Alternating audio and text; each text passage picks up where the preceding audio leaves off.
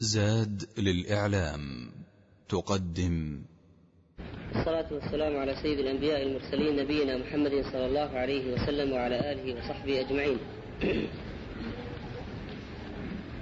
أما بعد السلام عليكم ورحمة الله وبركاته. إخواني في الله نحن على موعد في هذه الليلة إن شاء الله. عن درس نسأل الله عز وجل مع درس نسأل الله تعالى أن يكون من دروس العلم والإيمان.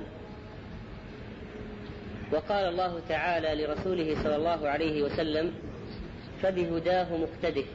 يعني بهدى الأنبياء اقتدي يا محمد صلى الله عليه وسلم. وكان لرسولنا عليه السلام أسوة حسنة في الأنبياء من قبله. ولذلك أيها الإخوة قص الله تعالى على رسولنا صلى الله عليه وسلم وعلى أمته في كتابه العزيز قصصا كثيرة من قصص الأنبياء حتى يحدث فيها التسرية والتسلية لرسولنا عليه السلام وحتى يستضيء الحاضر بتجارب الأمم الغابرة الماضية وما حدث للأنبياء مع أقوامهم وما حدث للأنبياء مع بعضهم. وهذه قصة أيها الإخوة قصة عظيمة من قصص الأنبياء قصة موسى صلى الله عليه وعلى نبينا أفضل الصلاة والسلام مع نبي الله الآخر الخضر عليه السلام. وفي سورة الكهف عرض لهذه القصة في آيات من كتاب الله.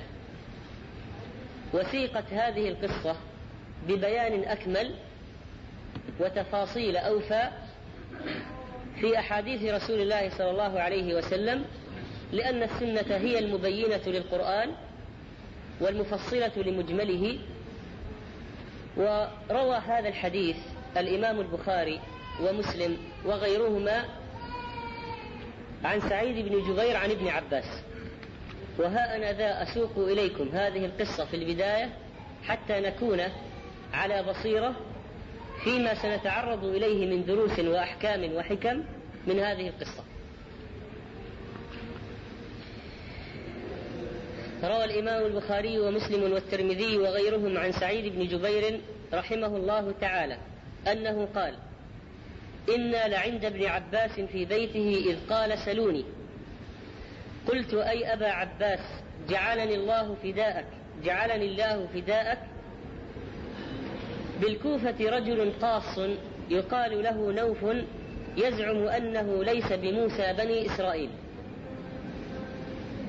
وفي رواية أن سعيد بن جبير قال لابن عباس رضي الله تعالى عنهما إن نوفا البكالي إن نوفا البكالي يزعم أن موسى صاحب بني إسرائيل ليس هو صاحب الخضر. والخضر أيها الإخوة سمي بهذا الاسم بالخضر بفتح الخاء وكسر الضاد الخضر لأنه كما ورد في الحديث الصحيح بأنه جلس على فروة بيضاء فإذا هي تهتز تحته خضراء. الفروة هي الأرض اليابسة. جلس الخضر عليه السلام مرة من المرات على أرض يابسة بيضاء ليس فيها نبات. فإذا هي تهتز تحته بقدرة الله تعالى خضراء. معجزة للخضر عليه السلام. فمن هذا الحادث سمي الخضر خضرا. فقال ابن عباس لما سمع هذا الخبر أن نوفا البكالي وهو أحد القصاص الذين كانوا يحدثون الناس بأخبار الأمم السابقة لما سمع هذا الكلام عنه قال كذب عدو الله كذب عدو الله. وقد تتساءلون أيها الإخوة عن هذه الكلمة الفاحشة. عدو الله. كيف يكون ذلك؟ وذكر العلماء تعليلا لهذه الشدة الواردة من ابن عباس فقالوا أن هذه الكلمة إنما أطلقها ابن عباس ولم يرد معناها الحقيقي وإنما وردت مورد التغليظ والزجر على ذلك الرجل الذي أخبر بشيء خلاف الثابت عن النبي صلى الله عليه وسلم. زعم أن الرجل صاحب موسى أن الرجل الذي أن موسى الذي كان مع الخضر ليس هو صاحب بني إسرائيل موسى آخر. فقال في معرض الزجر والتغليظ وفي حالة غضب وفي حالة الغضب أيها الإخوة يعذر الغاضب في بعض ألفاظه التي تخرج منه. قال ابن عباس سمعت أبي بن كعب يقول سمعت رسول الله صلى الله عليه وسلم يقول بينما موسى عليه السلام في قومه يذكرهم بأيام الله وأيام الله نعماؤه وبلاؤه. وفي رواية قام موسى خطيبا في بني إسرائيل. وفي رواية موسى رسول الله صلى الله عليه وسلم ذكر الناس يوما حتى إذا فاضت العيون ورقت القلوب ولى يعني موسى عليه السلام فأدركه رجل فقال أي رسول الله هل في الأرض أحد أعلم منك؟ قال لا. وفي رواية فسئل أي الناس أعلم؟ فقال أنا أعلم. قال فعتب الله عليه إذ لم يرد العلم إليه.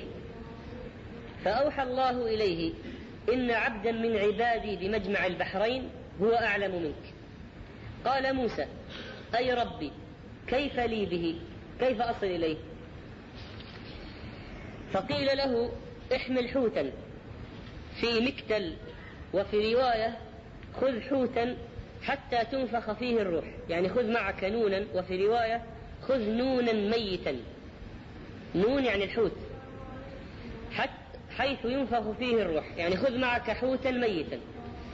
فإذا بلغت في الطريق في مكان أعيدت الروح لهذا الحوت فاعلم بأن الخضر في ذلك المكان الذي فقدت فيه الحوت. فقيل له احمل حوتا في مكتل والمكتل هو الزنبيل. فحيث تفقد الحوت فهو ثم يعني فهو هناك الخضر فانطلق وانطلق معه فتاة يوشع بن نون. وهذا يوشع أيها الإخوة نبي من الأنبياء هو الذي قام في بني إسرائيل بعد موت موسى. قام بهم وقام بأمورهم وكان نبيا من أنبيائهم وهو الذي حبست له الشمس. فقال لفتاه موسى عليه السلام لا أكلفك إلا أن تخبرني بحيث يفارقك الحوت. يعني ما أكلفك بشيء إلا فقط تخبرني متى نفقد الحوت هذا الذي نأخذه معنا الآن. فقال له يوشع ما كلفت كبيرا ما كلفت علي ما شققت علي بأمر كبير. فانطلق هو وفتاه يمشيان حتى أتيا الصخرة فبينما هو في ظل الصخرة فرقد موسى وفتاه وفي أصل الصخرة عين يقال لها عين الحياة لا يصيب من مائها شيء إلا حية فأصاب الحوت من ماء تلك العين فتحرك فاضطرب الحوت في المكتل وانسل من المكتل حتى خرج حتى خرج من المكتل فسقط في البحر. قال وأمسك الله عنه جرية الماء حتى كان مثل الطاق. يعني هذا الحوت وهو في الزنبيل أصابه شيء من ماء هذه العين التي تسمى عين الحياة. فلما أصابه هذا الماء رجعت إليه الحياة بإذن الله تعالى. فاضطرب في المكتل ثم انقلب فدخل في البحر لأنه كان على الساحل. فلما دخل في البحر اضطرب مرة أخرى ثم سلك سبيله في البحر فأمسك الله جرية الماء حتى صارت على الحوت مثل الطاق يعني صار منفذ الحوت في البحر كأنه في حجر. يعني محفور محفور السرب أو السرب هذا الذي الذي دخل فيه الحوت كأنه محفور في الحجر. يعني لما دخل الحوت ما رجع الماء مرة أخرى وإنما بقي مثل لما ضرب موسى عليه السلام البحر. فانفلق فصار فيه طريقا يبسا أمسك الله عن الماء خاصية الرجوع مرة أخرى. فقال حتى كان مثل الطاق. فقال فتاه لا أوقظه. كان موسى نائم. فقال لا أوقظه. حتى إذا استيقظ يعني لما استيقظ موسى نسي أن يخبره. فكان للحوت سربا وكان لموسى وفتاه عجبا. فانطلقا بقية يومهما وليلتهما ويومهما فانطلقا بقية ليلتهما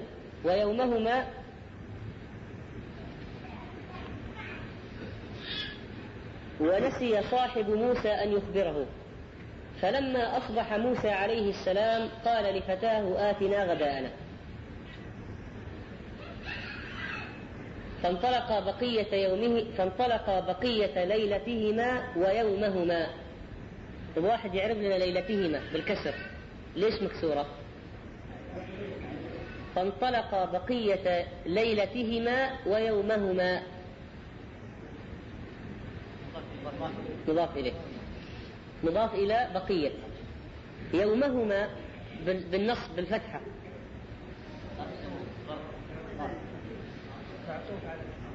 لو كان معطوف كان يصير مجرور. كان يصير بقية ليلتهما ويومهما. ظرف منصوب. قال ابن حجر رحمه الله ليلتهما بالكسر مضاف إليه ويومهما بالنصب على إرادة سير جميعه يعني سير جميع اليوم. طيب لما نقول في الرواية فانطلق بقية ليلتهما ويومهما فلما أصبح؟ قال بعض الحذاق فلما أصبح هنا تدل على أن في الرواية قلبا وعلى أن المفروض تصير الرواية يومهما يومهما وليلتهما. لأن الإصباح لا يكون إلا من ليل يعني بعد الليل. ونسي صاحب موسى أن يخبره فلما أصبح موسى عليه السلام قال لفتاه آتنا غداءنا لقد لقينا من سفرنا هذا نصبا. قال ولم ينصب يعني موسى ما أصابه التعب طول السفر حتى جاوز المكان. ما ورد في الآيات في الحديث أن موسى تعب من أول وإنما لما فقد الحوت وصار بعد ما فقد الحوت جاءه النصب والتعب. قال ولم ينصب حتى جاوز المكان الذي أمر به. قال أرأيت إذ أوينا إلى الصخرة فإني نسيت الحوت وما أنسانيه إلا الشيطان أن أذكره واتخذ سبيله في البحر عجبا. قال قال موسى ذلك ما كنا نبغي فارتد على آثارهما قصصا. يعني قال لموسى لفتاه نحن نريد أن نفقد الحوت. حتى نعرف المكان الذي نفقد فيه الحوت فنعرف مكان الرجل الصالح الخضر عليه السلام. فارتد على آثارهما قصصا يعني يقصان آثارهما. حتى أتيا الصخرة فرأى رجلا مسجا عليه بثوب. وفي رواية فوجد خضرا على طنفسة يعني فراش صغير خضراء على كبد البحر وكأنه أراد هنا ساحل البحر. فسلم عليه موسى. وكان هذا الرجل الخضر عليه السلام جعل هذا الثوب الذي غطى به نفسه جعل طرفه تحت رجليه وطرفه تحت رأسه. فسلم عليه موسى فقال له الخضر أنى بأرضك السلام. الخضر تعجب من هذا السلام. يعني قال من أين السلام في هذه الأرض التي لا يعرف فيها السلام؟ استغرب الخضر. واحد يسلم عليه والخضر يعرف أن هذه الأرض التي يوجد فيها ليس فيها السلام يعني هذه التحية غير معروفة. قال ابن حجر وفيه إشارة إلى احتمال أن يكون أهل تلك الأرض كفار.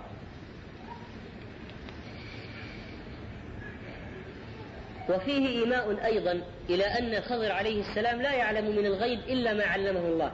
إذ لو كان يعلم كل الغيب لما قال موسى بني إسرائيل يعني لما استفهم من أنت؟ قال أنا موسى. قال موسى بني إسرائيل؟ قال نعم. قال فما شأنك؟ قال جئت لتعلمني مما علمت رشدا. قال أما يكفيك أن التوراة بيديك وأن الوحي يأتيك يا موسى؟ ثم قال له الخضر إنك على علم من علم الله علمكه الله لا أعلمه. وأنا على علم من علم الله علمنيه لا تعلمه. يعني كل واحد فينا يا موسى اختص بشيء من العلم لا يعلمه الآخر.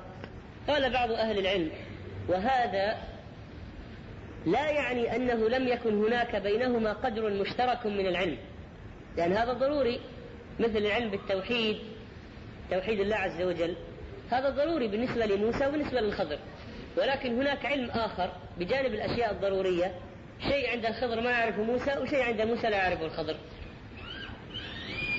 فقال له موسى هل أتبعك على أن تعلمني مما علمت رشدا؟ قال إنك لن تستطيع معي صبرا وكيف تصبر على ما لم تحط به خبرا؟ قال ستجدني إن شاء الله صابرا ولا أعصي لك أمرا.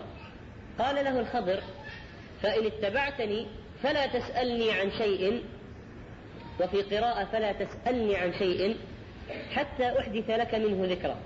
قال نعم يعني وافق موسى على الشرط. فانطلق موسى والخضر يمشيان على ساحل البحر. فمرت بهما سفينة. فمرت بهما سفينة. فكلموهم أن يحملوه أن يحملوهما. كلم موسى والخضر كلموا الناس أصحاب السفينة أن يحملوهما إلى الجانب الآخر. فعرفوا الخضر أصحاب السفينة عرفوا الخضر فقالوا عبد الله الصالح لا نحمله بأجر. قال عبد الله الصالح هذا الخضر لا نحمله بأجر. فحملوهما بغير نول يعني بغير أجر. فلم يفجأ موسى إذ عمد الخضر إلى قدوم فخرق السفينة. فأس قدوم خرق به السفينة. فعمد الخضر إلى لوح من ألواح السفينة فنزعه. فخرقها ووتد فيها وتدا. خرق السفينة وجعل مكان اللوح المع... المقلوع جعل مكانه وتدا. فقال له موسى قوم حملونا بغير نول. عمدت إلى سفينتهم فخرقتها لتغرق أهلها لقد جئت شيئا إمرا. يعني أمرا منكرا فظيعا. قال له الخضر ألم أقل إنك لن تستطيع معي صبرا. هذا أول حادثة. مو قبل شوي اتفقنا على أن لا تسألني عن شيء ولا تعترض علي حتى أحدث لك منه ذكرى. فقال موسى وكانت هذه المرة نسيانا. فقال موسى لا تؤاخذني بما نسيت ولا ترهقني من أمري عسرا. ثم خرجا من السفينة فبينما هما يمشيان على الساحل إذا غلام يلعب مع الغلمان. وفي رواية حتى إذا لقي غلمانا يلعبون فانطلق إلى أحدهم بادي الرأي فقتله الخضر. وفي رواية فأخذ الخضر برأسه فأضجعه فذبحه بالسكين فاقتلعه بيده فقتله.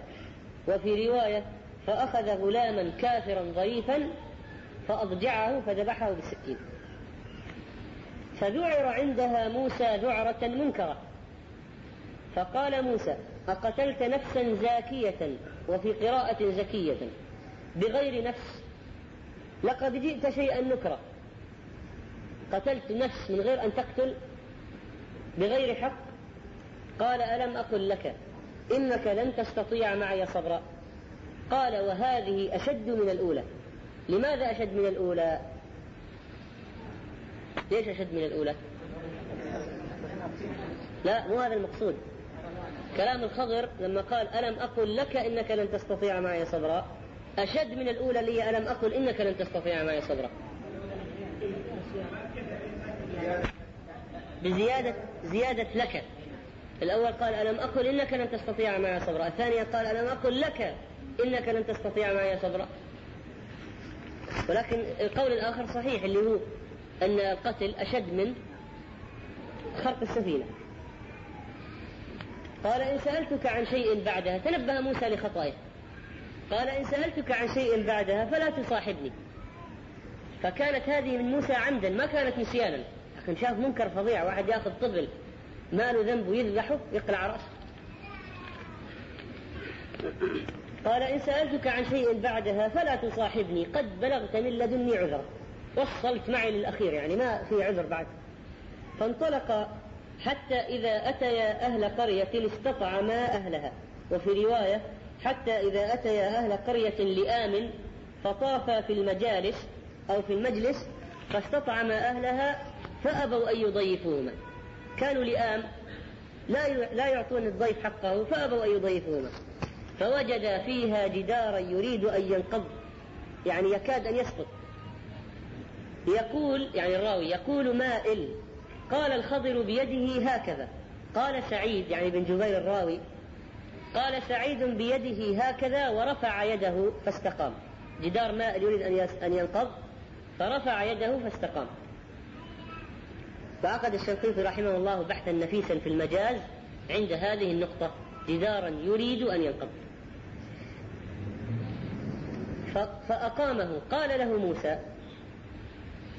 قوم أتيناهم فلم يضيفونا ولم يطعمونا لو شئت لاتخذت عليه أجرا. قال هذا فراق بيني وبينك. وكانت الثالثة شرطا. يعني شرط موسى الشرط.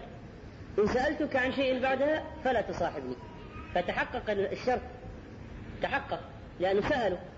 ليش ما اتخذت عليه أجرا؟ فتحقق الشرط. فقال له الخضر هذا فراق بيني وبينك سأنبئك بتأويل ما لم تستطع عليه صبرا. قال رسول الله صلى الله عليه وسلم رحمة الله علينا وعلى موسى. لولا أنه عجل لرأى العجب ولكنه أخذته من صاحبه ذمامة الذمامة المعجمة بمعجمة في البداية هي الحياء والإشفاق من الذم من الذم وبالمبهمة هي قبح الخلق يعني قبح الخلقة الدمامة. والذمامة هي الحياء والإشفاق من الذم يعني موسى أخذته من صاحبه ذمامة. يعني ما يستطيع يكمل معه أكثر من كذا. خلاص يعني بلغ به الحد. فيقول عليه السلام يرحم الله موسى لوددت أنه كان صبر حتى كان يقص علينا من أخبارهما. قال وقال رسول الله صلى الله عليه وسلم كانت الأولى من موسى نسيانا. ولما ركبوا السفينة جاء عصفور حتى وقع على حرف السفينة ثم نقر في البحر. فقال له الخضر ما نقص علمي وعلمك من علم الله إلا مثل ما نقص هذا العصفور من البحر. وهذا المثال لتقريب الأذهان ليس للمعنى الحقيقي به. يعني ليس أن علم موسى والخضر بالنسبة لعلم الله كقطرة في البحر. هو هو لا شيء. يعني لا أقل من قطرة في البحر لا شيء. لكن لتقريب الأذهان. أو مثل ما أخذ هذا العصفور من البحر.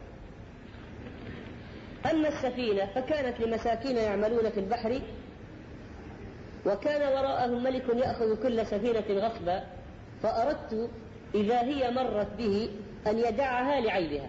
يعني يشاهد العيب الذي فيها فيترك السفينة. فإذا جاوزها أصلحوها فانتفعوا بها.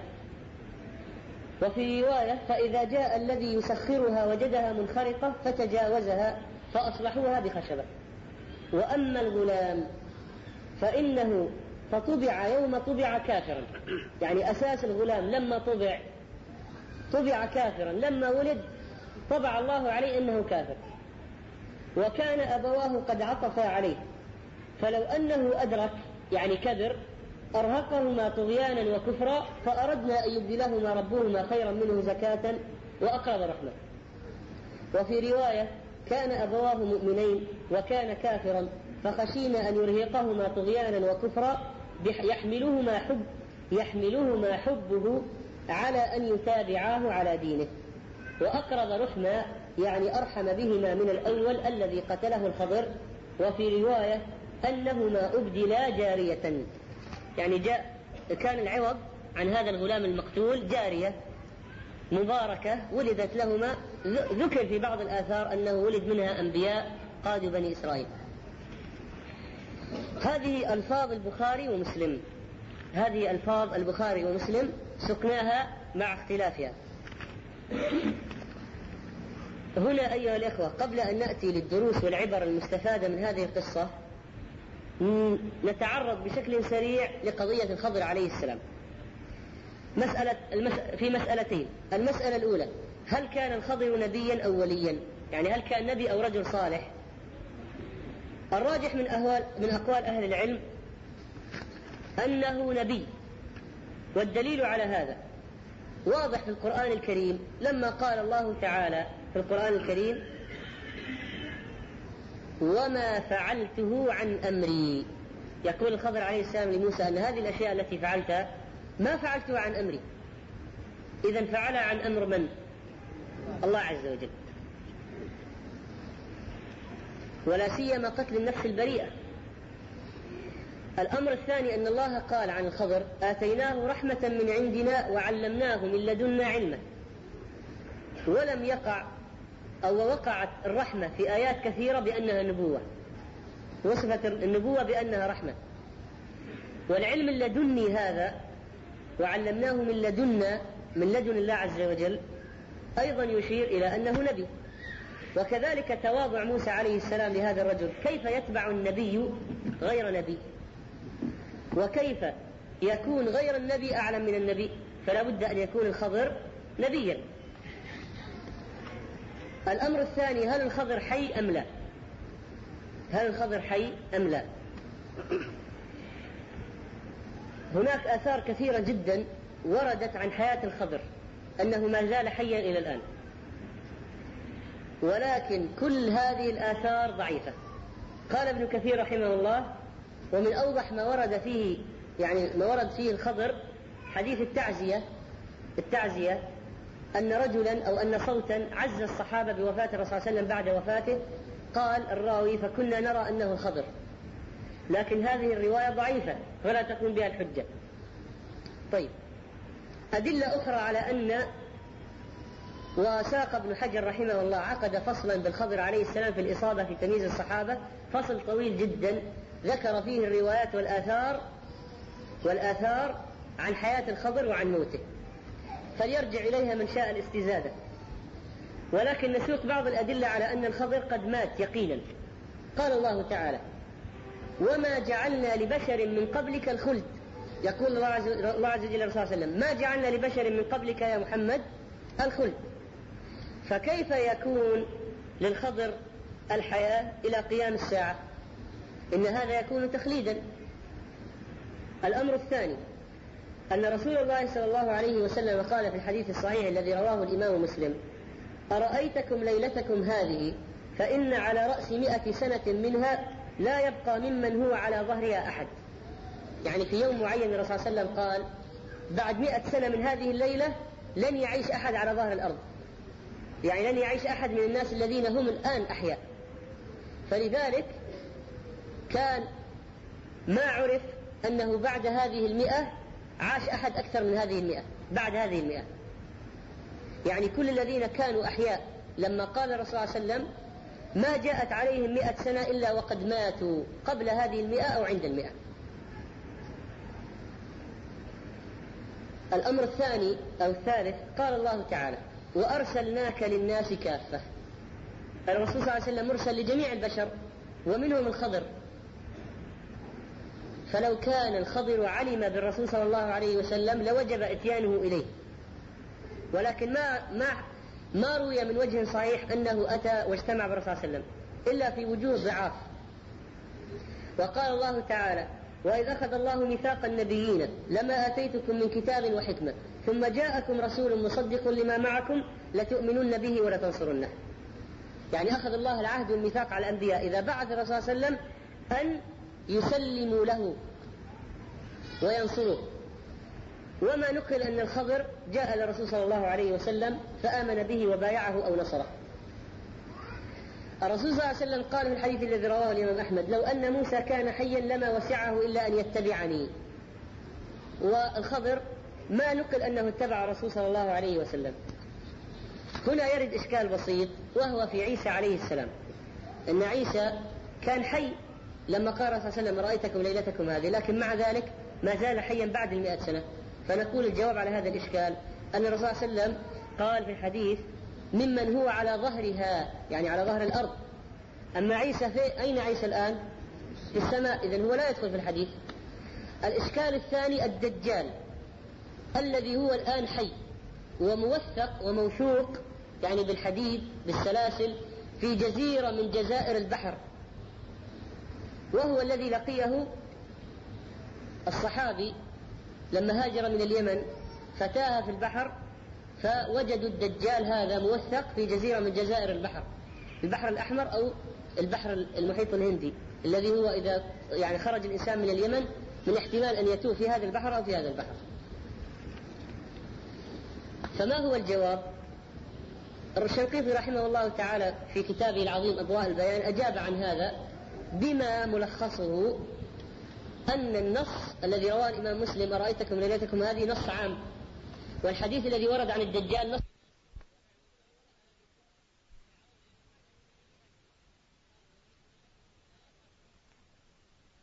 درت حياة الخضر عليه السلام. لماذا؟ هذه القضية تفيدهم في أشياء كثيرة. تفيدهم في أشياء كثيرة. منها أنهم يزعمون التقاءهم بالخضر وأنهم يأخذون أشياء عن الخضر شرائع غير الشريعة الموجودة الآن. وهذا تبرير لهم لمخالفة شريعة الرسول صلى الله عليه وسلم. يقول هذا أتانا من الخضر. أو التقينا بالخضر فقال لنا كذا وكذا. ويزعمون أيضا أنه ولي وليس بنبي. لماذا؟ لأنهم يقولون مقام النبوة في برزخ فويق الرسول ودون الولي. يزعمون أن النبوة فوق الرسول وتحت الولي. يعني الولي مقامه أعلى من النبي والرسول من ضلالهم. حتى يفتحوا الباب لتغيير شريعة الرسول صلى الله عليه وسلم وأن الأولياء يحق لهم التشريع ويحق لهم الخروج عن شريعة الرسول صلى الله عليه وسلم ويحق لهم ترك العبادة إلى آخر ذلك. وكتبهم وكتبهم طافحة بذكر الأخبار المزعومة المنقولة عن الخبر. فنعود أيها الإخوة الآن للدروس والفوائد والعبر التي نستنبطها من قصة الخضر عليه السلام مع موسى. أولا موقف طالب العلم من العالم. موقف طالب العلم من العالم. لا بد أن يكون أيها الإخوة موقف طالب العلم من العالم موقف أدب في الطلب. لا بد أن يطلب العلم منه بأدب وأن يكون مؤدبا. مؤدبا. انظروا إلى موسى صلى الله عليه وسلم. كيف خاطب الخضر؟ قال له هل أتبعك على أن تعلمني مما علمت رشدا؟ هل أتبعك على أن تعلمني مما علمت رشدا؟ أسلوب استفهام مؤدب جدا. ويخير يقول يعني إذا كنت مشغول أو لا تريد أو لم تشأ فأنا ما لا ألزمك بهذا. هل أتبعك على أن تعلمني مما علمت رشدا؟ وأنا تابع لك لا أخرج عنك. هل أتبعك؟ اتباع. وقال له كذلك ستجدني إن شاء الله صابرا ولا أعصي لك أمرا يعني سأكون عند حسن ظنك. كذلك أيها الإخوة يجب أن يكون موقف طلبة العلم من العلماء.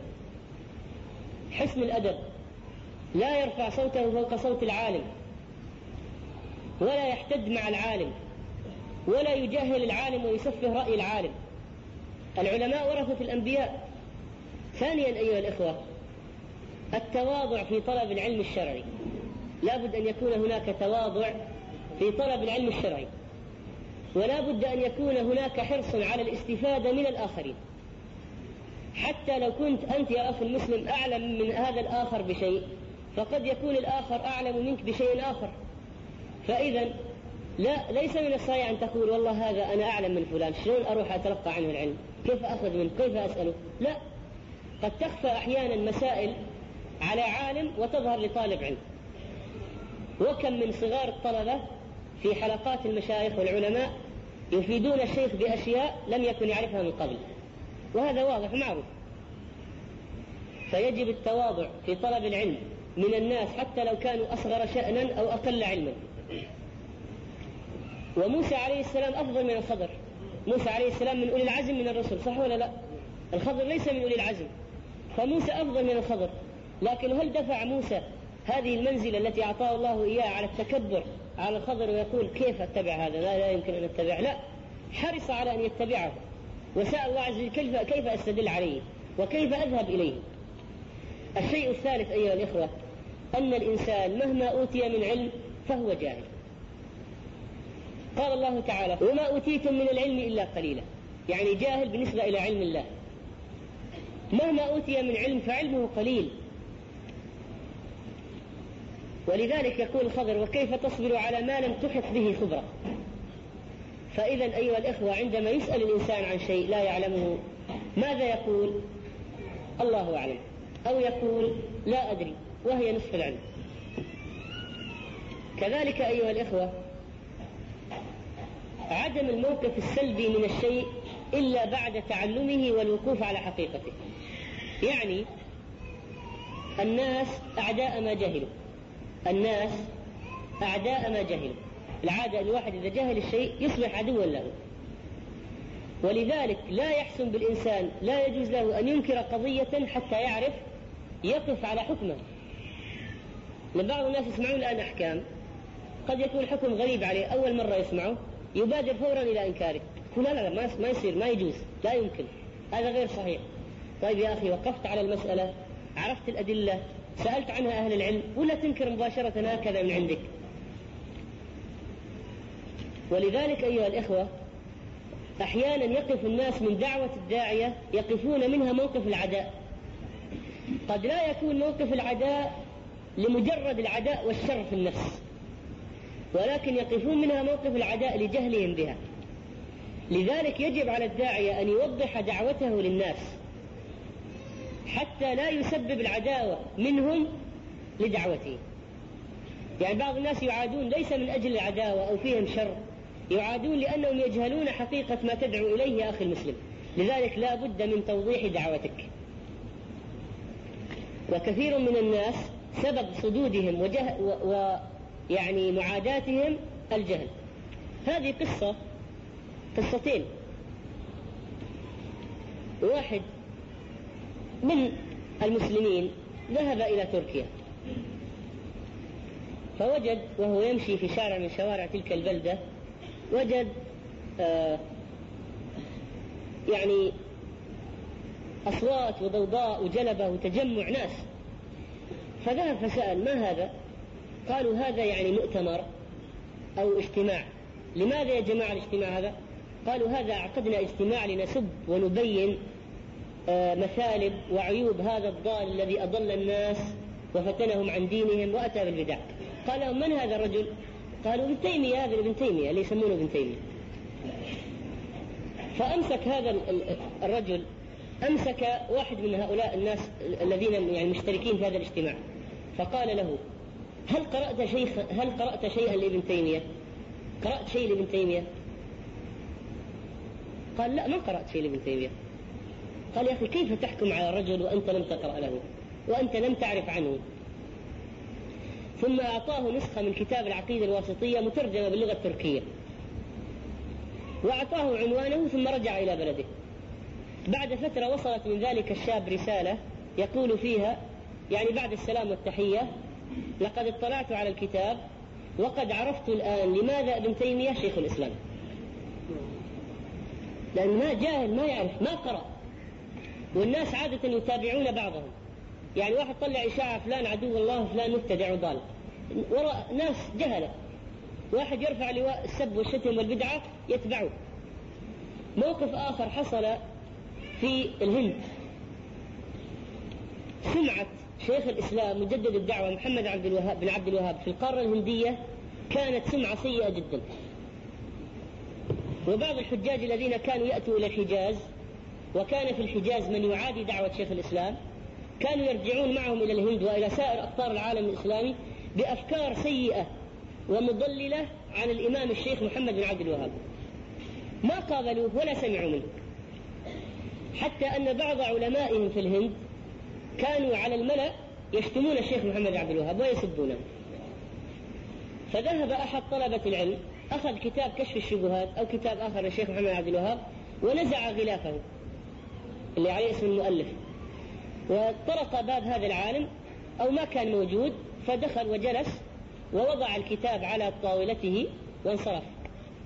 جاء هذا العالم الذي كان يسب شيخ الإسلام محمد عبد الوهاب ويشتمه في المجالس والملأ. جاء ورجل الكتاب على الطاولة بدافع حب الاستطلاع وتعلم العلم فتح الكتاب وقرأ الكتاب. فوجد كلاما جميلا جيدا. ثم أنه سأل من الذي أحضر الكتاب؟ قالوا له فلان. فلما قابله قال يا أخي هذا كتاب جيد وممتاز وأنا أتمنى أن أعرف من اللي ألف الكتاب.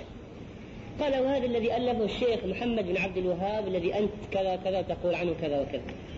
فأصبح هذا العالم من كبار أنصار الشيخ دعوة الشيخ محمد بن الوهاب في شبه القارة الهندية كذلك أيها الإخوة من الدروس المستفادة تواضع العالم. العالم أو طالب الرجل الذي يعلم الناس يجب أن يكون متواضعا. قد يحمل العلم بعض الناس على التكبر على الآخرين بعلمهم بعلمه. يرى أنه أفضل منهم وأعلى منهم وأعلم منهم فيتكبر عليهم. ما يعطيهم وجه. حتى لو جاء واحد يقول له مشغول لا ت... فهذا أيها الإخوة منافي للأدب الشرعي. ولذلك انظروا الخضر رحمه الله. لما كان هو وموسى في السفينة وجاء طائر فنقر في البحر ماذا فعل؟ ماذا قال الخضر؟ قال يا موسى ما علمي وعلمك في علم الله إلا كما نقر العصفور في هذا البحر. تواضع تواضع. هذا الكلام لا يصدر إلا رجل متواضع. وكذلك من التواضع في طلب العلم نسبة العلم إلى الله عز وجل. حتى لو استنبط إنسان استنباطا جيدا. ما يقول؟ وهذا القول ما سبقني إليه أحد من الناس وأنا أول من كتبته أول من أصدرته أول لا. يقول والفضل في هذا يقول مثلا ولم أرى هذا أرى هذا الكلام أو هذا لأحد في كتاب من قبل ويرجع في الفضل في هذا الاستنباط أو هذا الكلام لله وحده. هو الذي وهب العقل. فأي شيء تستنبط بعقلك أساسا ما أتيت به من عندك. يعني أنت صاحب الفضل. صاحب الفضل هو الله عز وجل الذي أعطاك هذا العقل. كذلك أيها الإخوة لابد أن نعرف أن العلم أحيانا التعلم أقصد يكون بطريقة شديدة على النفس ويكون على حساب مشاعر الإنسان وأحاسيسه. يعني أحيانا الواحد إلى أن يتعلم قضية قد يعني يقف في شيء من الذلة يعني موقف من الذل. لذلك يا إخواني أحيانا الواحد يخطئ ويقع في مزلة فيأتي إنسان ويصحح له هذا الكلام. قد يكون التصحيح برد على الملأ. يقول له لا هذا خطأ الذي ذكرت خطأ. وخصوصا إذا كان التصحيح لمصلحة شرعية مثل أن الخطأ هذا أمام الناس ولا بد من إنكاره الآن. إذا تفرق الناس من يصلح لهم؟ من يصلح لهم الخطأ؟ الإنكار هكذا أمام الناس على الملأ. قد يجعل الشخص الآخر المتكلم يجد في نفسه غضاضة. كيف يجرح شعوري أمام الناس؟ كيف يخطئني أمام الناس؟ أو يرد عليه مثلا بكتاب أو بمقال يرد على على خطأ بمقال. وينتشر هذا المقال بين الناس. وهذا الكتاب بين الناس. الآن القضية شديدة على النفس. التصحيح صار على الملأ. أمام الناس التصحيح. التخطئة أمام الناس. ما هو الموقف الصحيح أيها الإخوة؟ هل الموقف الصحيح أن يصدر هذا الإنسان ردا على ذلك الرد؟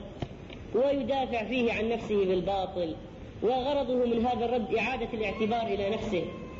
ويعني حتى يعني يظهر ويلمع صورته أمام الناس. هل هذا هو المطلوب؟ كلا. الاعتراف بالحق فضيلة. الاعتراف بالحق فضيلة. لا بأس أن يقول في في في مقال آخر يقول والفضل لله عز وجل ثم لفلان الذي نبهني إلى هذا الخطأ.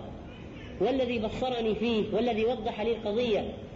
وقد كنت برهة من الزمن. بعض العلماء تجد هذا في كتبهم. يقول وقد كنت برهة من الزمن. أظن أن القضية كذا وكذا وأن شرح الحديث الفلاني كذا وكذا حتى نبهني بعض صغار طلبة العلم إلى الموضوع. يبين هذا تواضع. أما أن يحملنا تخطئة الآخرين الصحيحة تبيان التبيان الصحيح يحملنا على أن نسفر آراءهم ونجحد فضلهم ونقول نحن اكتشفنا هذا بأنفسنا. ونحن رجعنا هذا من تلقاء وأنا اكتشفت القضية من نفسي. وهو ما اكتشفها من نفسه. فهذا من من المتشبع بما لم يعطى كلابس كلابس ثوبي زور. رواه البخاري. المتشبع بما لم يعطى كلابس ثوبي زور. كذلك أيها الإخوة لا بد أن يكون اتباع الشيخ والعالم على حسب الشرع. فلا حجة للصوفية وغيرهم من الذين يلزمون أتباعهم بأن يسيروا وراءهم وأعينهم مغمضة لا يجوز لهم الاعتراض على شيء. هذا كلام خطير جدا. هذا المبدأ تقول يا جماعة أنتم عليكم أن تتبعوني وأنا قائد لكم. ما يجوز أن تعترضوا علي ولا حق لكم في هذا. هذا ضلال. لماذا؟ لأننا لسنا أنبياء. ولسنا معصومين. قد نخطئ وقد نصيب. فالقاعدة الإسلامية أيها الإخوة لا تكون الطاعة إلا بالمعروف. بغير المعروف ليس هناك طاعة. والذين يلزمون متبوعيهم بأن يطيعوهم ويقول لهم إذا أخطأنا الإثم علينا نحن. أنتم ما لكم شغل.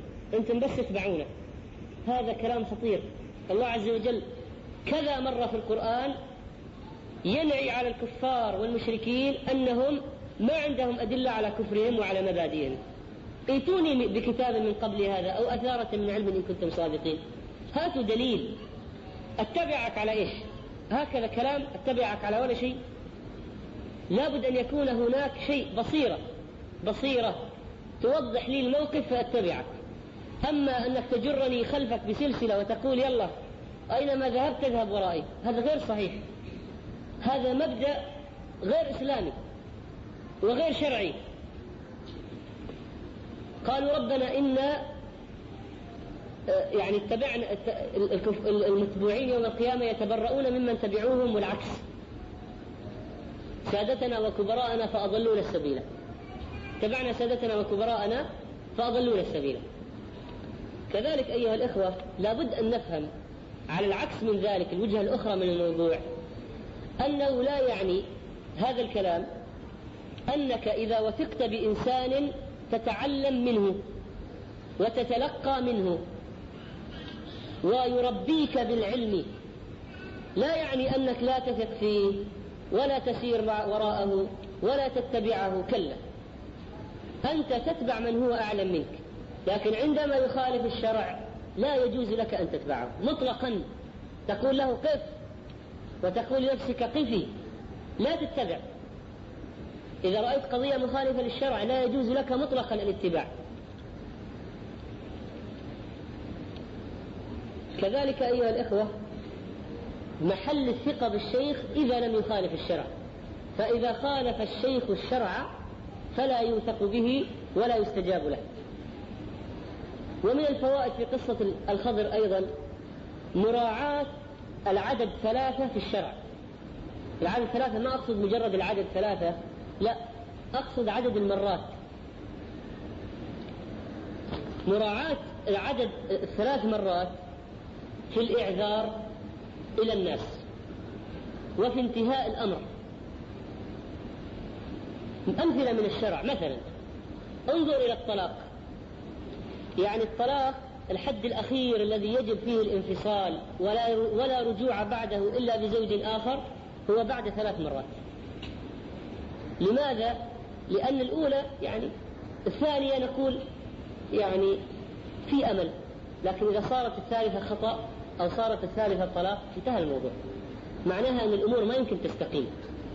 يعني إذا وصلت المسألة إلى المرة الثالثة بلغ العذر إلى منتهاه ما تستقيم الأمور بعد المرة خلاص ثلاث مرات انتهى الموضوع وكذلك مثلا في قتل الحية التي في البيت الرسول صلى الله عليه وسلم نهى عن قتل الحيات. إذا رأى الإنسان حية في بيته لا يقتلها مباشرة لأنها قد تكون من إخواننا من الجن.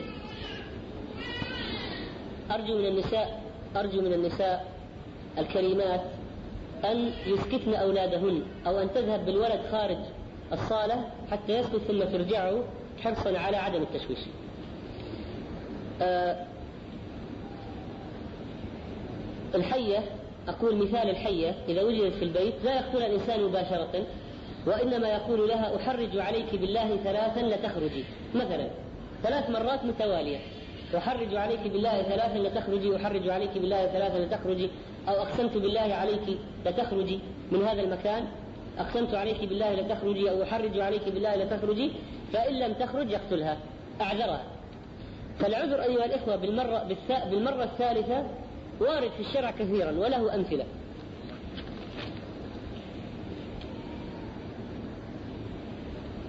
النقطة الأخرى المتعلقة بقضية الإعذار أنه لا بد لكي يصبح الإنذار إعذارا. لا بد أن يوضح الخطأ بعد كل مرة. يعني ما يكفي أن الإنسان إذا رأى واحد مثلا خطأ يقول في نفسه هذا واحد. إذا أخطأ مرة ثانية يقول نفسه هذا اثنين. أخطأ خلاص. انتهى الموضوع ليش؟ وضح له الخطأ. بعد ما إذا أخطأ المرة الأولى يقول يا أخي أخطأت الصواب كذا وكذا. إذا وأخطأ في المرة الثانية توضح له أن هذا خطأ. مثل الخضر عليه السلام. في المرة الأولى قال ألم أقل إنك لن تستطيع معي صبرا؟ بين له. في المرة الثانية قال ألم أقل لك إنك لن تستطيع معي صبرا؟ لما يفعل المرة الثالثة عند ذلك يحصل الإعذار. انتهى. لكن ليس إلا بعد التبيين. أيضا من فوائد هذه القصة أيها الإخوة فرح الإنسان بكل علم جديد. فرح الإنسان بكل علم جديد ولهفه وشوقه إلى تحصيله. وكذلك التدرج في العتاب.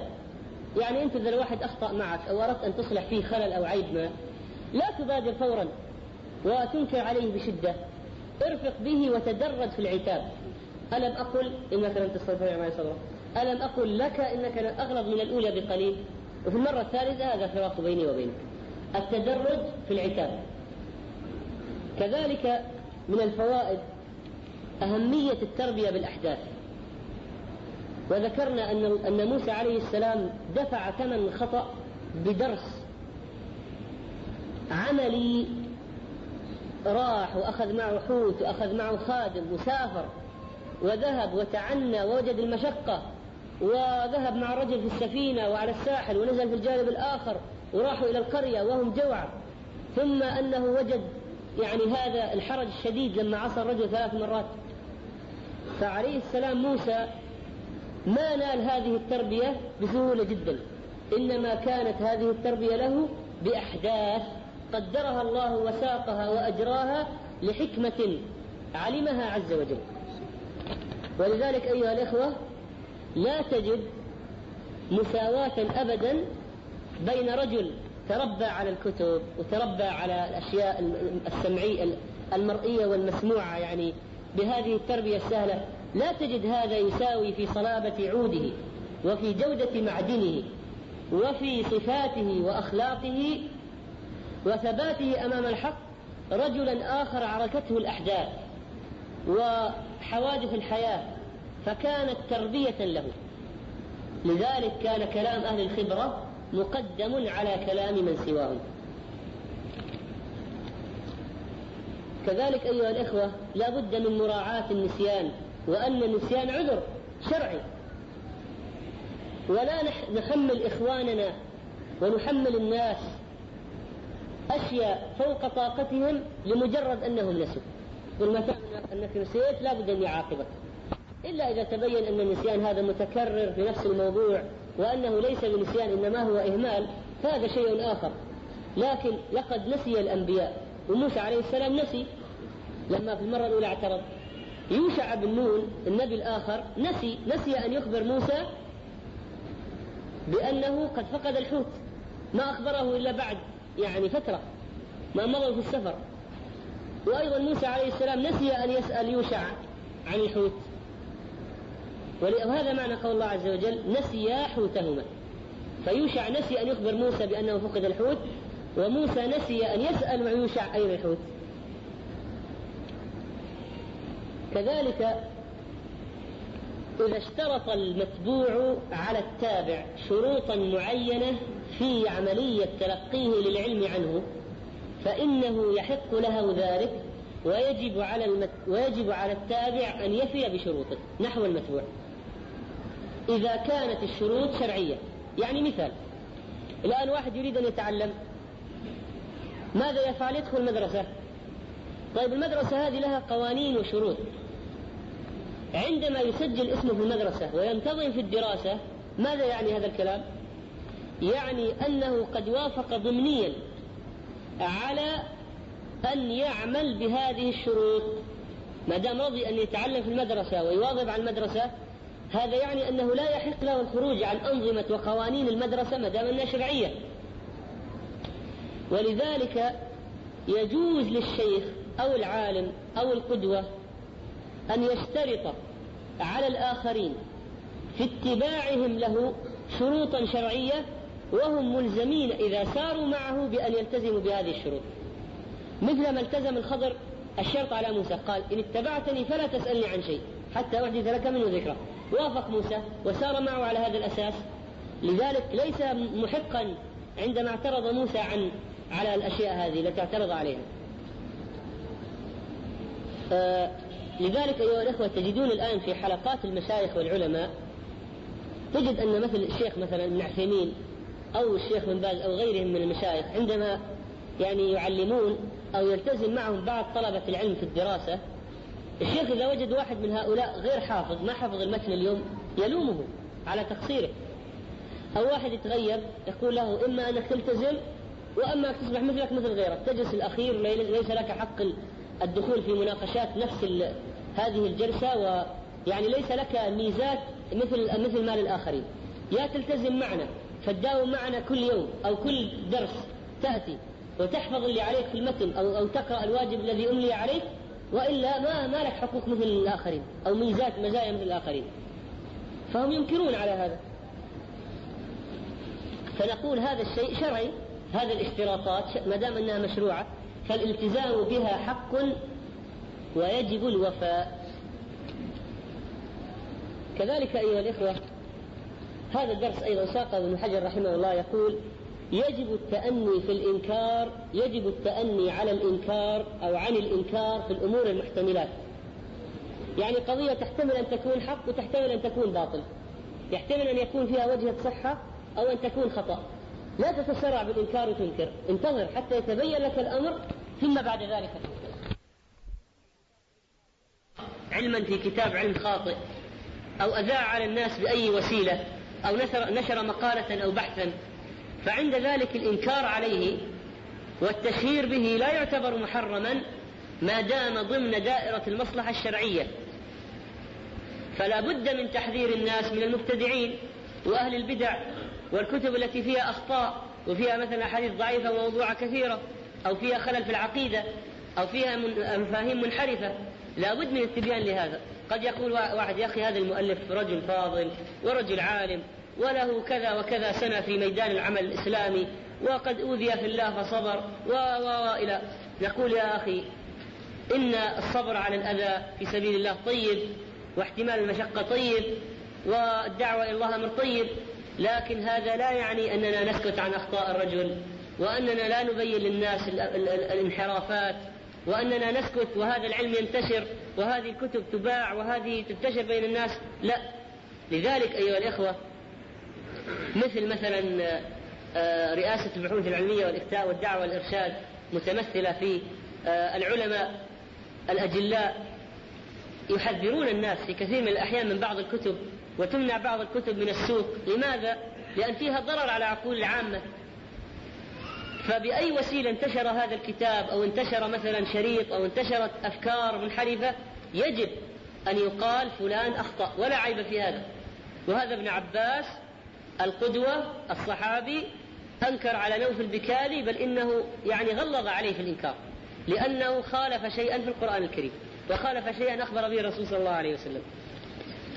كذلك أيها الإخوة لا بد أن تكون من الدروس المستفادة من قصة الخضر لا بد أن تكون ها؟ لا بد أن تكون الشخصية المسلمة معروفة بين الناس. لا بد أن يكون الإنسان المسلم متميز بأخلاقه وعقيدته وعلمه أمام الناس حتى يعرف صاحب الخير فيؤتى ويسأل ويقتدى به ويتعلم منه. فهذا الخضر عليه السلام لما كان ماشي على ساحل البحر طلب من المساكين أصحاب السفينة أن يحملوه. فقال في الرواية فعرفوه فقالوا عبد الله الرجل الصالح عرفوه يعني كان معروف بين الناس. ما كان مندسا ولا تحت الأرض في سرداب ولا قابع في زوايا الخفاء والاحتجاب عن الناس. كان ظاهرا أمام الناس بعلمه وعقيدته وأخلاقه. فكان قدوة معروف قالوا هذا الخضر عبد الله الصالح عرفوه. يعني كان معروف. فيجب كذلك على الدعاة إلى الله أن يكونوا شامة بين الناس. كالشعرة البيضاء في جلد الثور الأسود. من الفوائد كذلك أن التابع لا بد أن يبين استعداده لتحمل المشاق. لما قال يوشع بن نون قال لموسى قال ما كلفت كثيرا. يعني قال ما هذا الأمر الذي كلفتني؟ ليس بكثير وأنا إن شاء الله سأصبر. ما قال تبغاني أراقب 24 ساعة الحوت وما أنام وأجلس أشوف فين راح هذا لا فلا بد كذلك أيها الإخوة عدم إظهار التثاقل من التكليف. التكليف مثل موسى كلف يوشع قال له حيث فقدت الحوت أخبرني. فيوشع من فقهه في التربية وأنه الآن يتعلم وقد ذهب مع موسى في هذه الرحلة ليرى ويقتبس منه ويقتدي به قال ما كلفت كثيرا هذا شيء بسيط إن شاء الله وسهل كذلك مما ذكره ابن حجر رحمه الله جواز قول العالم الناس سلوني كما قال ابن عباس الناس سلوني قال وهذا محله فيما إذا أمن العجبة. يعني أمن من أنه الناس والله. يعني بعض الناس قد يقول سلوني من باب التكبر. اسألوني يلا أي شيء أنا مستعد بس منتظر الأسئلة. فهذا إذا أمن العجب ودعت إليه الضرورة مثل خشية نسيان العلم. أو مثلا أحيانا الشيخ يكون مهاب. فالناس أمامه يكون من هيبته لا يستطيعون يعني يتحرجون من السؤال. فهو إذا رأى هذا فيهم يقول سلوني إزالة لهذا الحرج الذي يمنعهم من السؤال. كذلك موسى عليه السلام كما ورد في الرواية يقول الرسول صلى الله عليه وسلم ذكر الناس يوما حتى إذا فاضت العيون ورقت القلوب ولا فأدركه رجل. فقال ابن حجر رحمه الله فإذا يستحب للواعظ إذا أثرت موعظته في السامعين فخشعوا وبكوا ينبغي أن يخفف حتى لا يملوا مو الواحد إذا شاف الناس يبكون مثلا يستمر يستمر يستمر. طيب الموعظة الناس يملوا. وهذا البكاء قد لا يعني قد الأخير يصبح يعني يفقد معناه وقيمته. وأيضا تواضع موسى عليه السلام لما رآهم تأثروا مشى مباشرة. ما جالس ينتظر يعني يشوف كيف الناس متأثرين. كيف جالسين؟ جالس الآن ينتظر ويشوف هذا الناس هذا كيف جالس يبكي وهذا كيف جالس يتأثر وهذا كذا. لا لما أدى الغرض وحصل المطلوب وخشع الناس وسالت العيون ورقت القلوب مشى. أدى اللي عليه ومشى. لا ينتظر من الناس إحسانا ولا شكورا. كذلك دفع أشد الضررين بارتكاب أخفهما. فقلع ألوح من ألواح السفينة ضرر لكن أن يأخذ الملك هذا الظالم يأخذ السفينة غصبا ضرر آخر أكبر.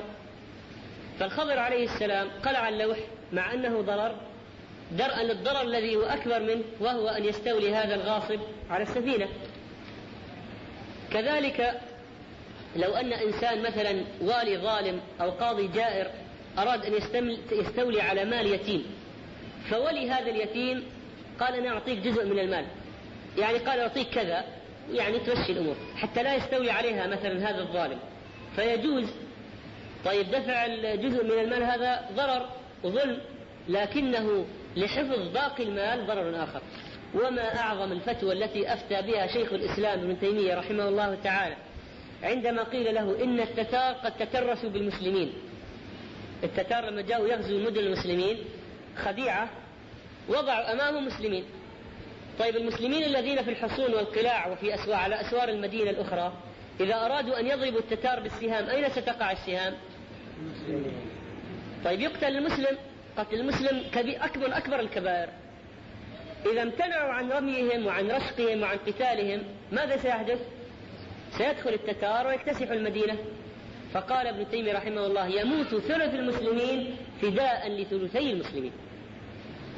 يعني حتى لو وصل الأمر إلى أن يقتل الثلث لكي يحيا أو يعيش وينقذ الثلثين الآخرين فالهجائز تصور وكل الناس كانوا قد أحجموا عن الفتوى بهذا.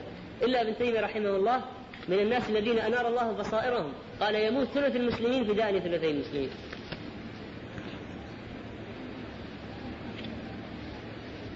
أبو البراء مطلوب في الخارج. طيب كذلك أيها الإخوة إن الله يعين من يذهب في سبيله. إن الله يعين من يذهب في سبيله. فإذا ذهب الإنسان في سبيل الله لغزو أو حج أو عمرة أو رحلة في طلب العلم الله عز وجل يعينه. فلما ذهب موسى لميقات ربه ما نقل أنه أصابه النصب والإعياء والتعب. لكن لما خرج موسى من من من أرضه إلى مدين فارا بنفسه ها؟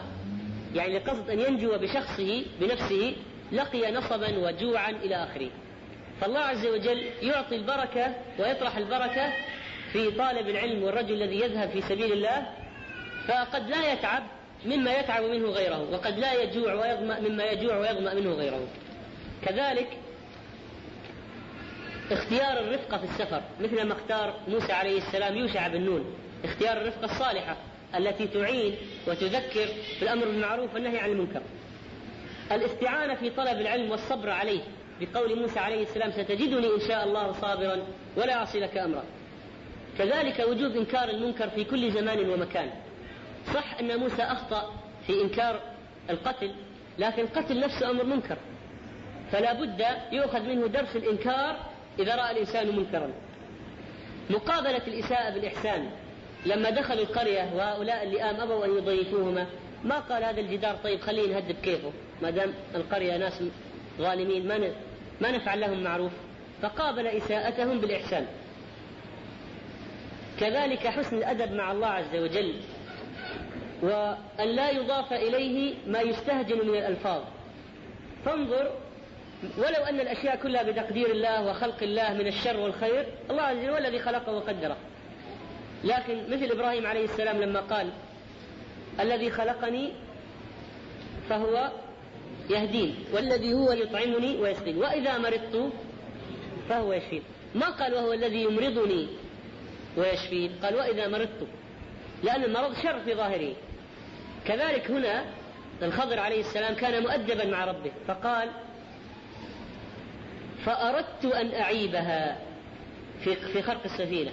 لكن لما جاء على على الغلام قال فأراد ربك أو على على الحائط قال فأراد ربك أن يبلغ أشدهما ويستخرج كنزهما.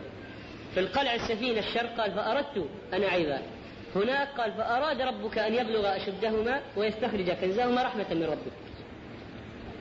كذلك أيها الإخوة انتفاع الآباء بصلاح الأبناء. فإن هذا الرجل كان وكان أبوهما صالحا. كان أبوهما صالحا. صلاح الأب تعدى إلى الأبناء فقيض لهذين الولدين اليتيمين من يحفظ مالهما من الضياع والتلف واللصوص إلى آخره.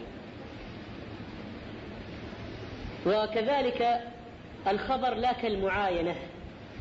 فإن موسى مع أن الخضر اشترط عليه ذلك لكن والبداية وافق وتحمس لكن بعدين لما جاءت الأمور على حقيقتها ها آه نسي أشياء.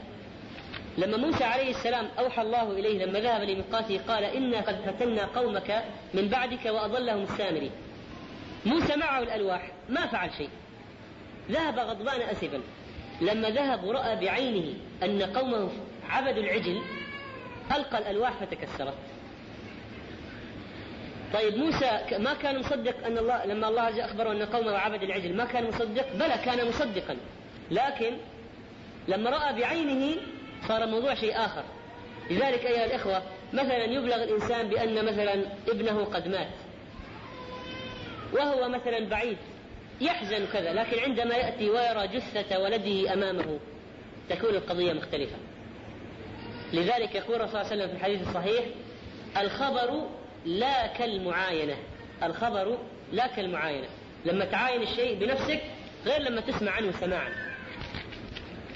كذلك استخدام وسائل الإيضاح في عرض الدعوة وتوضيح الأفكار للناس وعرض المفهومات الإسلامية مثل ما استغل الخضر عليه السلام العصفور هذا الذي نقر في البحر. الآن ممكن كان يقول لموسى أن علمي وعلمك في علم الله ولا شيء لكن استغل هذا العصفور هذه الصورة فشرح لموسى هذه القضية بهذه الصورة من الإيضاح. كذلك جودة الاعتذار لما قال يوشع بن نون إني نسيت الحوت اعترف بالخطأ وما أنسانيه إلا الشيطان.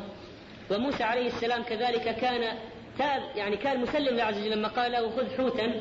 ما قال له حوت كبير ولا صغير؟ أبيض ولا أسود؟ كم وزنه؟ كم طوله؟ كم عرضه؟ فين مكانه؟ من فين أصيده؟ من أين أتي به؟ ما فعل مثل ما فعل بنو إسرائيل. تأمل الفرق بين موسى في الحوت وبنو إسرائيل في البقرة. ومنه رفق التابع بالمتبوع. لما يوشع قال لا أريد أن أوقظ موسى عليه السلام رفق به تعبان مع أن يوشع أيضا تعب لكن رفقا بسيده أو بمتبوعه وقدوته جعله ينام ويستريح حتى يخبره فيما بعد. كذلك أيها الإخوة أخيرا لا بد أن طلب العلم ليس بالأمر السهل. لا بد أن يكون في شدة لا بد أن يكون في نصب لا بد أن يكون في لأواء لا بد أن يكون في تعب.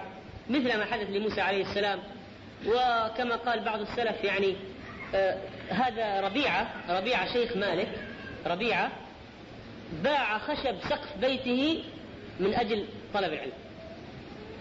وقال أبو يوسف الفقيه المعروف قال يعني لا يحصل العلم إلا من دبغ اللبن قلبه وفي رواية أحرق اللبن قلبه. قال وذلك أن أبا العباس لما تولى الخلافة أتى بالعلماء من المدينة فصار أهل صار اجتمع العلماء في مكان معين. صار طلبة العلم عندهم همة للسؤال للسؤال والبحث والذهاب إلى العلماء. قال فصار أهلنا يلطخون لنا الخبز باللبن يعني شيء مستعجل.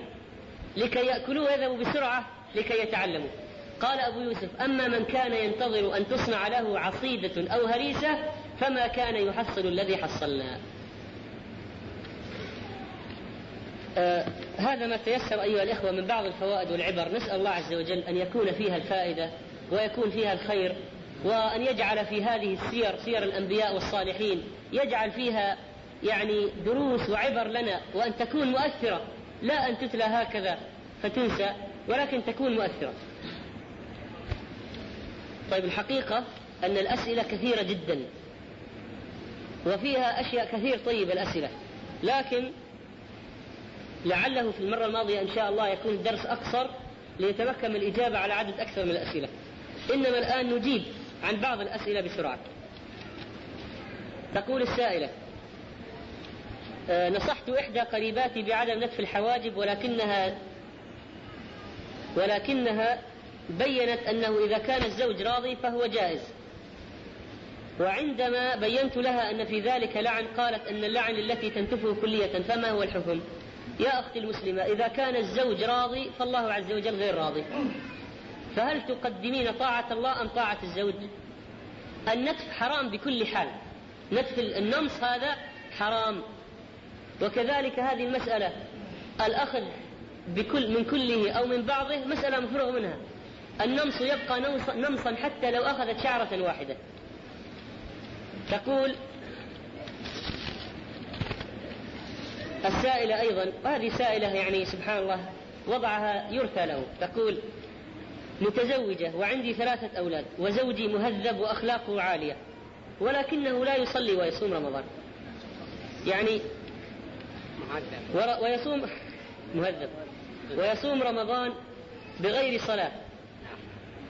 حاولت كثيرا أن أقنعه بالصلاة ويقول السبب والده كان يضربه في الصغر للصلاة وكان يصلي خوفا من والديه في الصغر. ولما مات والده ترك الصلاة. يا سلام. يعني فعلا يعني خوش تربية كما يقولون. واستفادة عجيبة.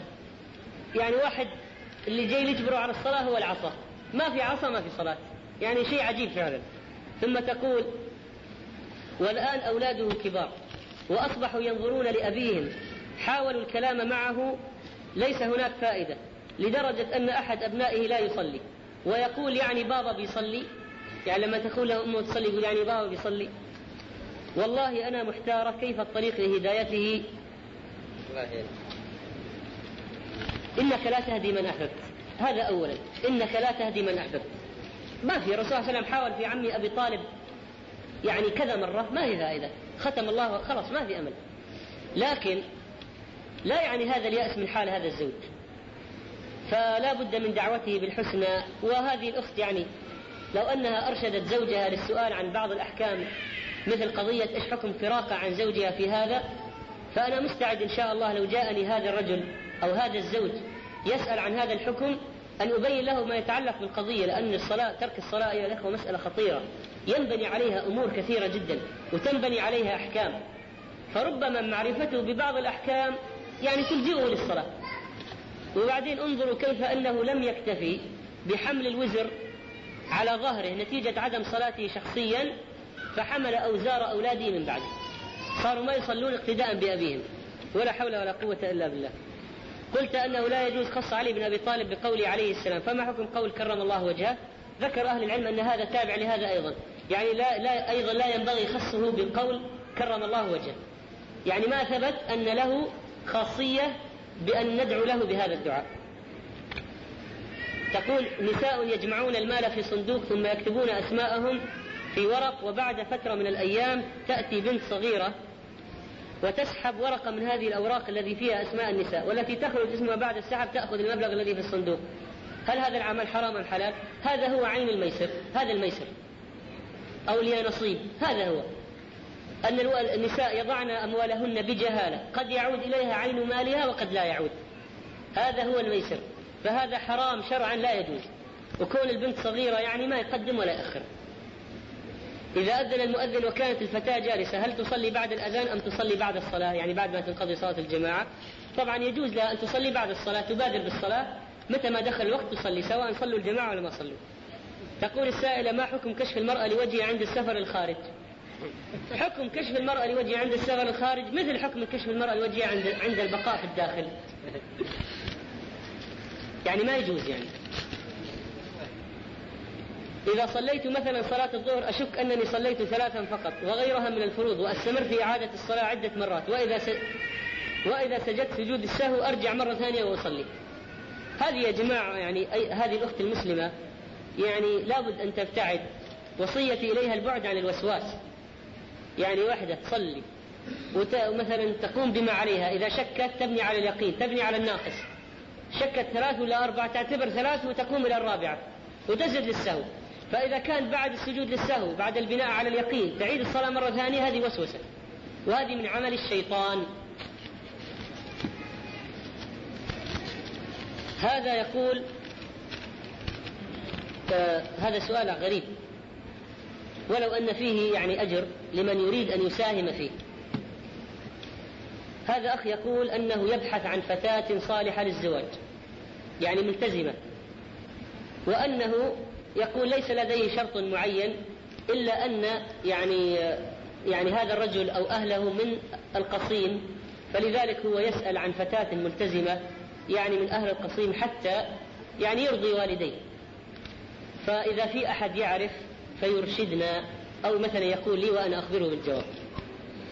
وجزاكم الله خيرا. طيب. يقول السؤال هناك قيام ليل وأريد أن أذهب لأنني أريد الأجر ولم أذهب لقيام الليل من قبل وأهلي لا يوافقونني على الذهاب وإذا ذهبت سأخالفهم وقد يحرمون علي الذهاب مع الشباب مرة أخرى. فهل أخالفهم وأذهب أم أسمعهم ولا أذهب؟ وإذا لم أذهب هل, أجر هل لي أجر على هذا أم لا؟ أولا يا إخوة مسألة فقهية.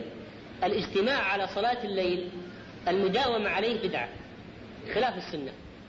يعني إذا عين بعض الناس ليلة معينة يجتمعون فيها للقيام في غير صلاة التراويح في رمضان هذا خلاف السنة ويدخل في البدع.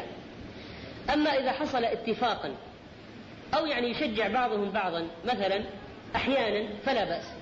لكن الأصل أن صلاة الليل تصلى فرديا مثل ما الرسول صلى الله عليه وسلم صلى فرديا. وفي هذه الحالة يا أخي ما ما هو صحيح أنك تخالف والديك وتذهب إلى هذا الشيء. طاعة الوالدين واجبة. وهذا قيام الليل غاية ما فيه أنه سنة. فكيف تقدم السنة على الواجب؟ ثم أن السنة في صلاة أنك تصلي في البيت. فكيف تذهب للصلاة خارج البيت؟ لكن أنت يسر لك أحيانا أن تصلي مع جماعة مثلا بدون اتفاق. مثلا كان يخرج مثلا إنسان مع أقاربه أو أصحابه في رحلة إلى البحر فينام هناك فيقومون الليل. يعني هكذا بدون اتفاق. أو أنه يشجع بعضهم بعضا فلا بأس بهذا. أما الاعتياد عليه وتخصيص ليالي معينة فغير مشروع. إذا حدث الجماع ولكن لم ينزل شيء مع العلم أنه حدث نوع من الارتياح جزاء فما هو الحكم؟ طبعا الرسول صلى الله عليه وسلم قال إذا التقى الختانان فقد وجب الغسل فسواء أنزل أو لم ينزل فعليه الغسل. أنا شاب أحب لعبة كرة القدم ولكن هناك جماعة من الملتزمين يمنعوني فما العمل؟ والله ينظر في ما السبب الذي يمنعونك من أجله فإن كان السبب أن لعب كرة القدم هذه تلهيك عن ذكر الله وتعرضك للوقوع في المنكرات وتضطر أن تخالط أصحاب السوء وتذهب في فرق الحواري التي الله عليم بخباياها وأضرارها ومفاسدها فهم يا أخي محقين في هذا يعني. حقين يعني جزاهم الله خير أنهم يسووا كذا. لكنهم يمنعوك نهائيا عن لعب كرة القدم وعن مزاولة هذه الهواية المفضلة لديك كما يبدو. ما لهم حق في هذا. يقول تقول أنا فتاة بالمرحلة الجامعية حاولت أن أتقرب إلى الله تعالى في أشياء عدة ونجحت بها ولله الحمد. إلا شيئا واحدا هو ترك مشاهدة التلفزيون مع العلم أنني لا أشاهد كل شيء منكر إلا شيئا بسيطا كالمسلسلات اليومية إضافة إلى أني أحاول أن أخفض الصوت حين يظهر حديث غير لائق نهائيا. فبماذا تنصحني؟ جزاك الله خيرا لترك هذا العمل. أولا يعني الحمد لله الأخت هذه فيها خير وفيها تقوى وصلاح على ما يبدو لدرجة أنها حاولت ويعني مجتهدة مجتهدة هي في تحسين وضعها وإصلاح وضعها. لكن يا أختي قضية أنه يعني كل شيء منكر إلا شيئا بسيطا من المسلسلات يعني ما تركب العبارة يعني ما فيه يعني ما فكل ما يظهر كل ما يظهر من الأمور المحرمة يجب عدم عدم النظر إليه وعدم الاستماع إليه. وقضية أني أحاول أن أخفض الصوت إذا ظهر حديث غير لائق. يعني لابد أن تسمع طرف من حديث غير لائق حتى تخفض الصوت. إلا شلون أصلا تعرف أنه حديث غير لائق؟ طيب وهذا شوي من حديث غير لائق مع شوي من حديث غير لائق مع شوي من حديث غير لائق. تصير الأشياء كلها غير لائقة. فغير لائق بك أن تنظري إلى هذه الأشياء. والله يعينك إذا أخلصت النية وعزمت على الاستقامة على شرع الله. تقول هنا سؤال. الحقيقة يا جماعة أن هذا سؤال عجيب وأنا الله المستعان. تقول سمعت من أحد أبنائي بأنك قلت لأحد أصدقائهم عندما تزوج أبوه من امرأة من غير أهل البلد بأنه الآن سوف يعيش حياة سعيدة وأن هذه الفتاة يعني من خارج سوف تسعده وسيعيش سيرى العيش الهنيء معها. وأنه يجب عليهم إذا كبروا أن يتزوجوا من فتيات أجنبية يعني من الخارج حتى يهنأوا وينجبوا أولادا وبناتا جميلين. لا حول ولا لقد تأثرت جدا من سماع هذا الكلام من شيخ فضيل مثلك هذا إذا كنت حقيقة قلته. يعني طيب الاستثناء هذا يعني.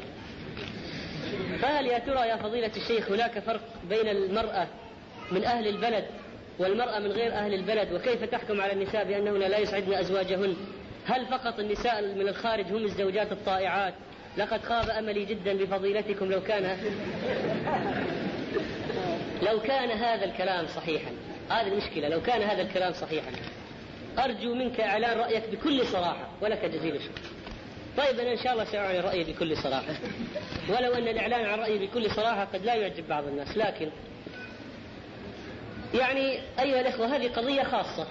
يعني ما هي قضية عامة لكن فيها فيها فوائد فيها دروس وعبر.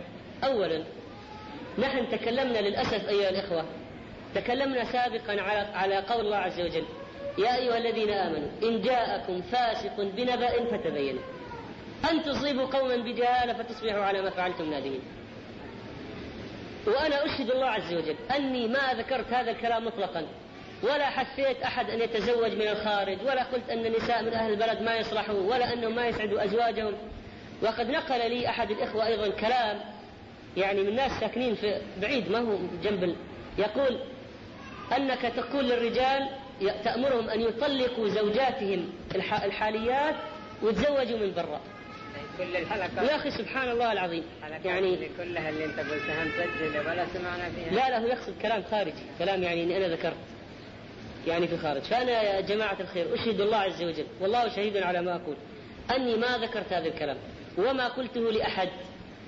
وأني أحيانا في بعض المجالس أأمر بالعدل وأوضح قضية العدل بين الزوجات سواء كانت الثانية من أهل البلد أو من غير أهل البلد. وحتى أنه في واحد والله يا جماعة من يعني قضية من نكات جالس يحاجني في العدل. يقول يا أخي زوجتي الجديدة شلون شلون ما قلت يا أخي ما يصير العدل والرسول صلى الله عليه وسلم وشقه يأتي يوم القيامة وشقه مال. قال بالله عليك يا مطوع. تبغاني أنا عندي سيارة واحد عنده سيارة مرسيدس بنز 500 85 86 وعنده سيارة موديل 73 قديمة ومبوشة وحالتها حالة. تبغاه إنه يجي يعني يجي يروح في هذه مرة في هذه. يا وأنا أقول أخي يعني لا تق... هذا قياس باطل قياس فاسد. والله عز وجل أمرك بالعدل وكيف تقيس المرأة على السيارة؟ وش يعني كلام. وأقول له ومع ذلك الله عز وجل يقول هل جزاء الإحسان إلا الإحسان؟ في الوقت الذي ندعو فيه للعدل بين الزوجات والكذا يطلع علينا بعض هؤلاء. وأنا الحقيقة الواحد يا جماعة يتحير إيش يكون موقفه من هذه القضايا؟ هل يكون موقفه مثل ما قال العلماء؟ يعني إذا اغتاب إنسان آخر ووجد أن مسامحته على هذه الغيبة تجر غيبات أخرى فلا يس... فلا يسامحه هل أقول أني لا أسامح من قال هذا الكلام حتى يكون ردعا؟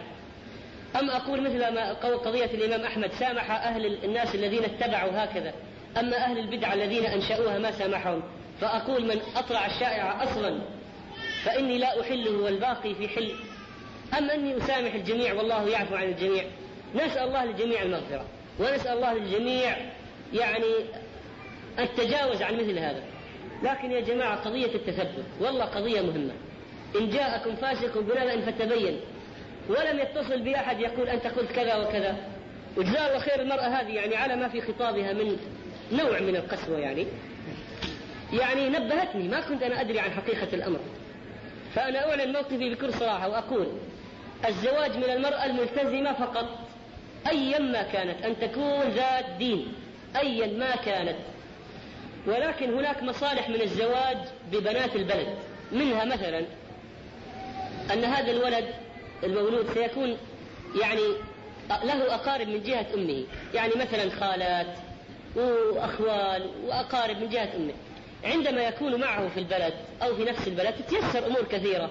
قد الرجل مثلا يريد أن يسافر أين يضع زوجته؟ يضع عند أهلها قريبين. فهناك مصالح من من الزواج من بنات البلد قد تكون أكثر من الزواج من الخارج. لكن أنا ما أقول مطلقا أن الزواج من الخارج أفضل وأن النساء. سبحان الله يعني وش اللي يخلي الناس اللي هل تكوينهم تركيبهم يعني مختلف؟ يعني هذيك فيها السعادة وهذه ما في؟ سبحان الله العظيم. كثيرة جدا الآن ولا هذه يمكن ولا عشر الأسئلة اللي عندنا. من من المتخلف من الماضي. يقول أنا يقول أنا متملكة لشخص وأريد معرفة هذا الشخص وأفكاره ونفسيته بالرغم من أنه عقد القران مني مع ذلك الآن يرفضون أن أتكلم معه. إذا عقدت القرآن وأصبحت له زوجة شرعية فلا يحل لأحد أن يمنعك من الكلام معه إلا لمصلحة شرعية. إذا ما في مصلحة شرعية فلا يجوز لأحد أن يمنعك من الكلام. تتكلمي معه وتجلسي معه وتختلي به وتكلميه بالهاتف ومشافهة وتكاتبيه وتخاطبيه بالرسائل وغيرها وتتعرفي على ما تريدين التعرف منه. يقول كثير من الشباب يقع في خطأ جسيم وهو أنهم حينما يتقدمون الإمامة يقرؤون القرآن بأساليب شتى. ويقلدون في ذلك بعض القراء المعروفين حتى أنهم يقرؤون بثلاث قراءات في اليوم الواحد. أرجو توضيح الأمر. يعني هو ما هو حرام لكن يا جماعة قضية التقليد هذه مسألة غير مريحة. وفعلا الآن أنت روح صلي وراء واحد يقلد. يقلد واحد من القراء المعروفين. تحس إنه متكلف. يعني تحس فعلا بإنه يتكلف. وما تحس بالخشوع مثل ما تحس وراء الرجل الذي يقرأ بصوته العادي. فالتكلف هذا يعني إخراج أما إذا صارت القضية سجية وطبيعة للواحد صارت قراءة مثل فلان طبيعة ليس بتكلف وما جلس يغير النغمات كل مرة يقرأ على كذا ومرة يقرأ على كذا وقد يتباهى بأنه مثلا يقرأ بهذا والقضية تعود إلى النيات. فمن كانت نيته طيبة فالله يعينه ويوفقه ومن كانت نيته غير ذلك فعليه بأن يصلحها. تقول والدة رأت في منامها أن أختها تقول لها أن أن في جنة الفردوس. فقالت لها هل تعملون لأنفسكم طعاما؟ فقالت لها الطعام يأتي لنا جاهز لحد عندنا. فهل هذه رؤيا سوف تتحقق أم لا. إذا كانت أخت المرأة هذه التي ماتت إذا كانت الأخت الميتة هذه كانت صالحة فإن هذا المنام وهذه الرؤيا إن شاء الله يا أيتها السائلة الكريمة هي من بشريات الخير. والرسول صلى الله عليه وسلم قال الرؤيا الصالحة آه، عاجل بشرى المؤمن. هذه يعني هذه من الرؤى يعني كونها تراها أنها في الجنة وأن الطعام يأتي إليها من غير هذا هذه بشرى طيبة ونسأل الله أن تكون في الجنة كذلك ونسأل الله جميعا أن يدخلنا الجنة. تقول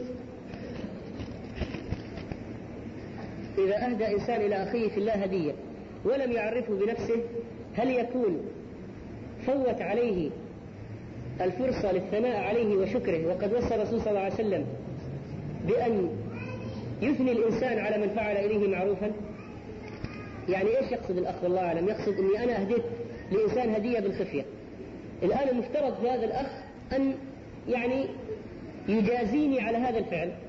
فإذا أخفيت الهدية بحيث ما أعرف أنها مني فهل إني فوتت عليه؟ لا طبعا ما أعتبر إني فوتت عليه. وفعل هذا السلف كثيرا. كانوا يرسلون بطعام ومال إلى أناس من غير أن يعلم الشخص المرسل إليه من الذي أرسل.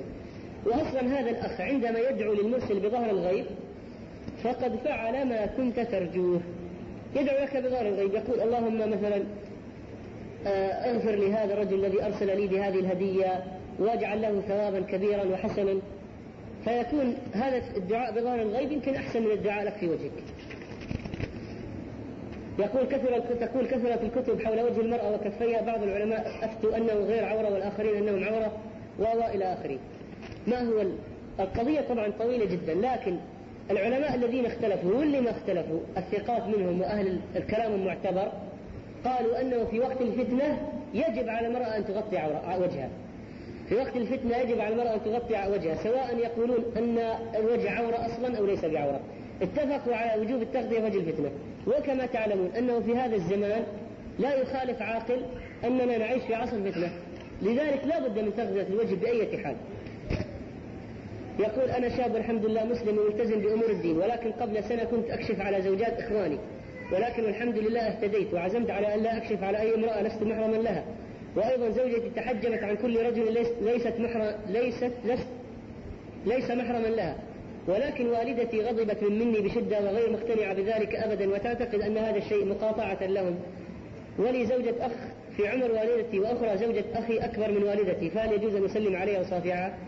أولا يا أخي هنيئا لك بهذه الهداية الربانية التي أنعم الله بها عليك. ونسأل الله أن يوفقنا وإياك لمزيد من الثبات على الطريق والسير فيه وما فعلته هو الصحيح. حتى لو غضبت والدتك وحتى لو منعت الطعام عن نفسها لا يجوز لك أن تضع يدك في يد امرأة أنت أجنبي عنها وهي أجنبية عنك. لا يجوز.